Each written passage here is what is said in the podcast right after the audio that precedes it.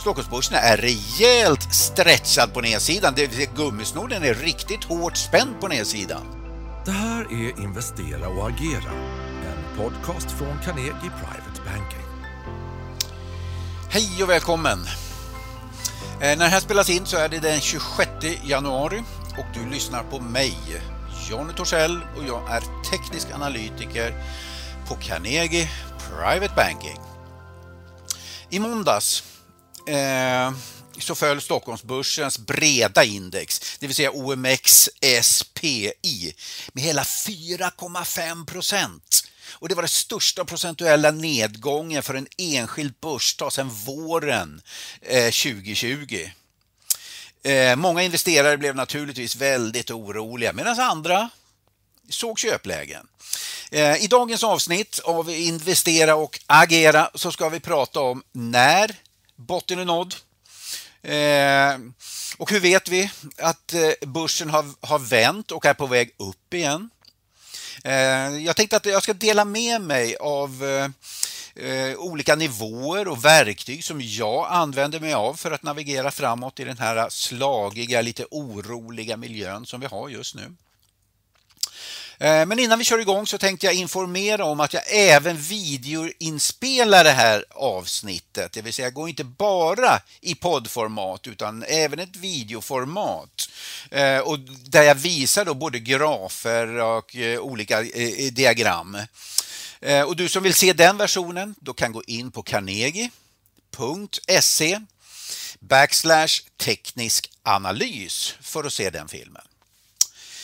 Så, nog med snack. Nu kastar vi oss över eh, börsen då. Och eh, om vi börjar med Stockholmsbörsen eh, så kan vi konstatera att vi befinner oss nu i en dels en långsiktig upptrend från botten eh, i mars 2020, det vill säga coronabotten. Och i den upptrenden så har index bildat en stor konsolidering eh, mellan säg 2190 till 2200 på nedsidan och dryga, vi kan säga dryga 2400 på uppsidan. Då. Så all rörelse mellan de här nivåerna det indikerar då att vi har en konsolidering. Och nu är det frågan om vad är det här för typ av konsolidering? Är det en, en toppformation? Eller är det här bara en eh, så kallad reackumulation, det vill säga en paus i en uppåtgående trend? Ja, det kan vi ju egentligen först veta när vi får en signal åt eh, vilket håll den kommer att bryta ut eh, ur den här konsolideringen. Skulle vi få ett utbrott tydligt under 2200 nivån med lite tydlighet och kraft, ja då får vi en indikation på att börsen har gått in i en nedtrendsfas. Eh, och då får vi en säljsignal med ett prisobjektiv ner mot en 2200 där någonstans. Skulle det istället vara så att index börjar studsa upp från den här nivån nu och så småningom bryta igenom 2400 nivån, ja men då skulle det vara en signal på att den här, hela den här konsolideringen som har varit eh, ungefär ja, nästan ett halvår eh, bara var en paus i en uppåtgående trend. Och då har vi prisobjektiv upp mot en 2600, 2700, ja någonting sånt. Så det är väl det som jag bevakar i OMX-index. Tittar vi sen på eh, vad som har hänt då efter den här kraftiga nedgången då på Stockholmsbörsen så kan vi konstatera att, att den, Stockholmsbörsen är rejält stretchad på nedsidan. Det vill säga gummisnodden är riktigt hårt spänd på nedsidan. Eh, ni som ser diagrammet här, här visar jag då ett eh, en indikator eh, som visar ett överköpt och översålt läge. Då. Och här kan vi konstatera att eh, det är rejält, vid den här nedgången som vi hade då under måndagen, ja, i, även i tisdags egentligen då, eh, var det otroligt stretchat på nedsidan. Tittar vi på de tidigare tillfällena när det har varit så här extremt stretchat på nedsidan Eh, Eh, då, då, har det i genomsnitt lett till fortsatta uppgångar på Stockholmsbörsen. Eh, överlag så har det varit eh, väldigt bra köplägen på Stockholmsbörsen eh, när, när det har, har varit eh, de här lägena. Då. Så, så just nu, vi, vi borde få en studs om det tidigare beteendet ska fortsätta. Eh, det vill säga det borde vända ut på uppsidan. Skulle det här som sagt vända ner under 2200 nivån, jag menar, det är klart att eh, då kan det bli eh, ök, ökad oro av det här, det vill säga nedgång leder ju till oftast till en, att fler människor blir rädda. Går vi sen in och tittar på S&P 500 så kan vi konstatera att att index eh, också är rejält stretchad. Eh, den har dessutom kommit ner till eh, viktiga stödnivåer. Och de stödnivåerna möter vid 42.30, 42.80 området där någonstans.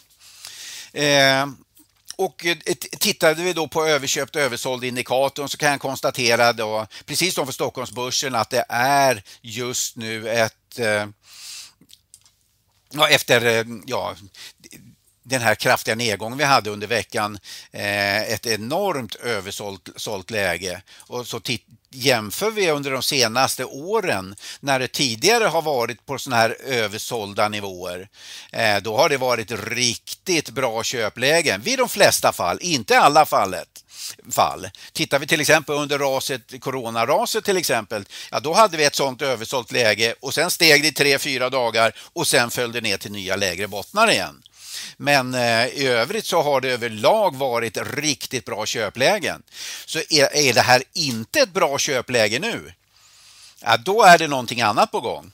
En annan sak som har skett det är ju att index i, i måndags bildade en, eh, en stor gigantisk hammerformation för uppgång. Eh, det vill säga det var ner med 4,2 procent som lägst men stängde med en uppgång. Så det här var en liten sån här, äh, jag brukar kalla det, det är inte bara en hammerstapel utan lite grann av en washout-stapel. Det var dessutom den största omsättningen eh, eh, hittills i år. Så det var en jättestor omsättning.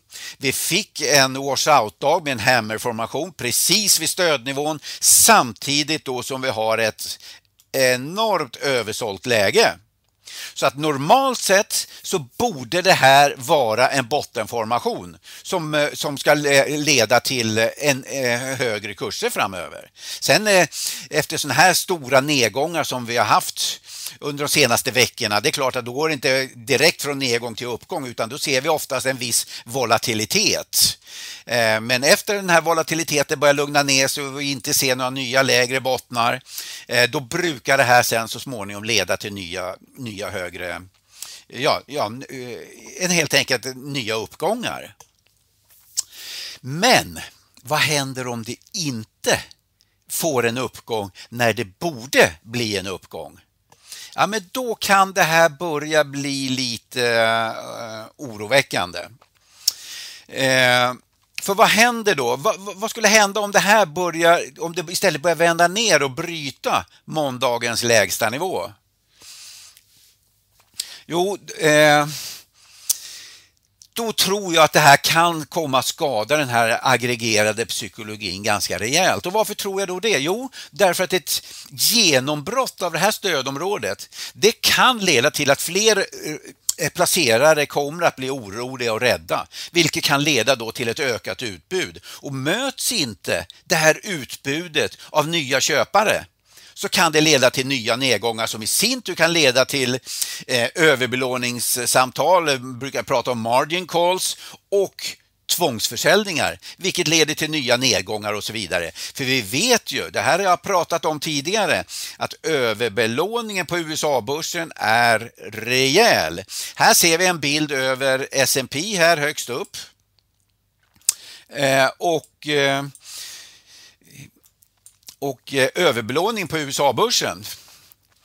Och eh, vi vet att överbelåningen på USA-börsen är på rekordnivåer. Det vill säga, vad händer om det börjar bli oro? Jag menar, då kommer de som är överbelånade att börja ja, kanske till och med börjar bli tvungna att sälja. Och vad händer när många människor blir tvungna att sälja? Ja, men då ökar eh, Eh, nedgången, då ökar utbudet av aktier och om inte det som sagt möts av en ökad efterfrågan så här kan det här bara ta fart ordentligt på nedsidan.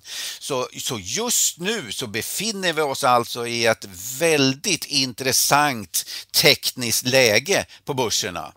Det vill säga, mitt huvudscenario det är att USA-börsen borde ha noterat en botten här. Och har det noterat en botten, ja men då kan vi kanske räkna med lite turbulens och sen eh, nya, nya uppgångar. Då. Och får vi nya uppgångar, ja men då kommer Stockholmsbörsen att hänga med. Skulle USA-börsen vända ner under måndagens lägsta nivå då, som sagt, och det är 42,20 området där någonstans, då börjar jag bli oroad. Då kan då ökar risken, om jag säger så, för en fortsatt nedgång. Och skulle vi få en fortsatt nedgång där, då kommer Stockholmsbörsen att bryta sin, sannolikt sin viktiga stödnivå vid 2200-nivån. Så att just nu, ett väldigt viktigt eh, läge just nu i den tekniska analysen. Så det är väl det som jag just nu bevakar när det gäller de viktiga indexen här. Så det var det jag hade idag. Tack så mycket för att du har eh, lyssnat. Vill du veta vilka aktier och investeringar vi tror på? Du som ännu inte är kund kan beställa en provportfölj på carnegie.se privatebanking så sätter vi ihop en rekommenderad portfölj för dig.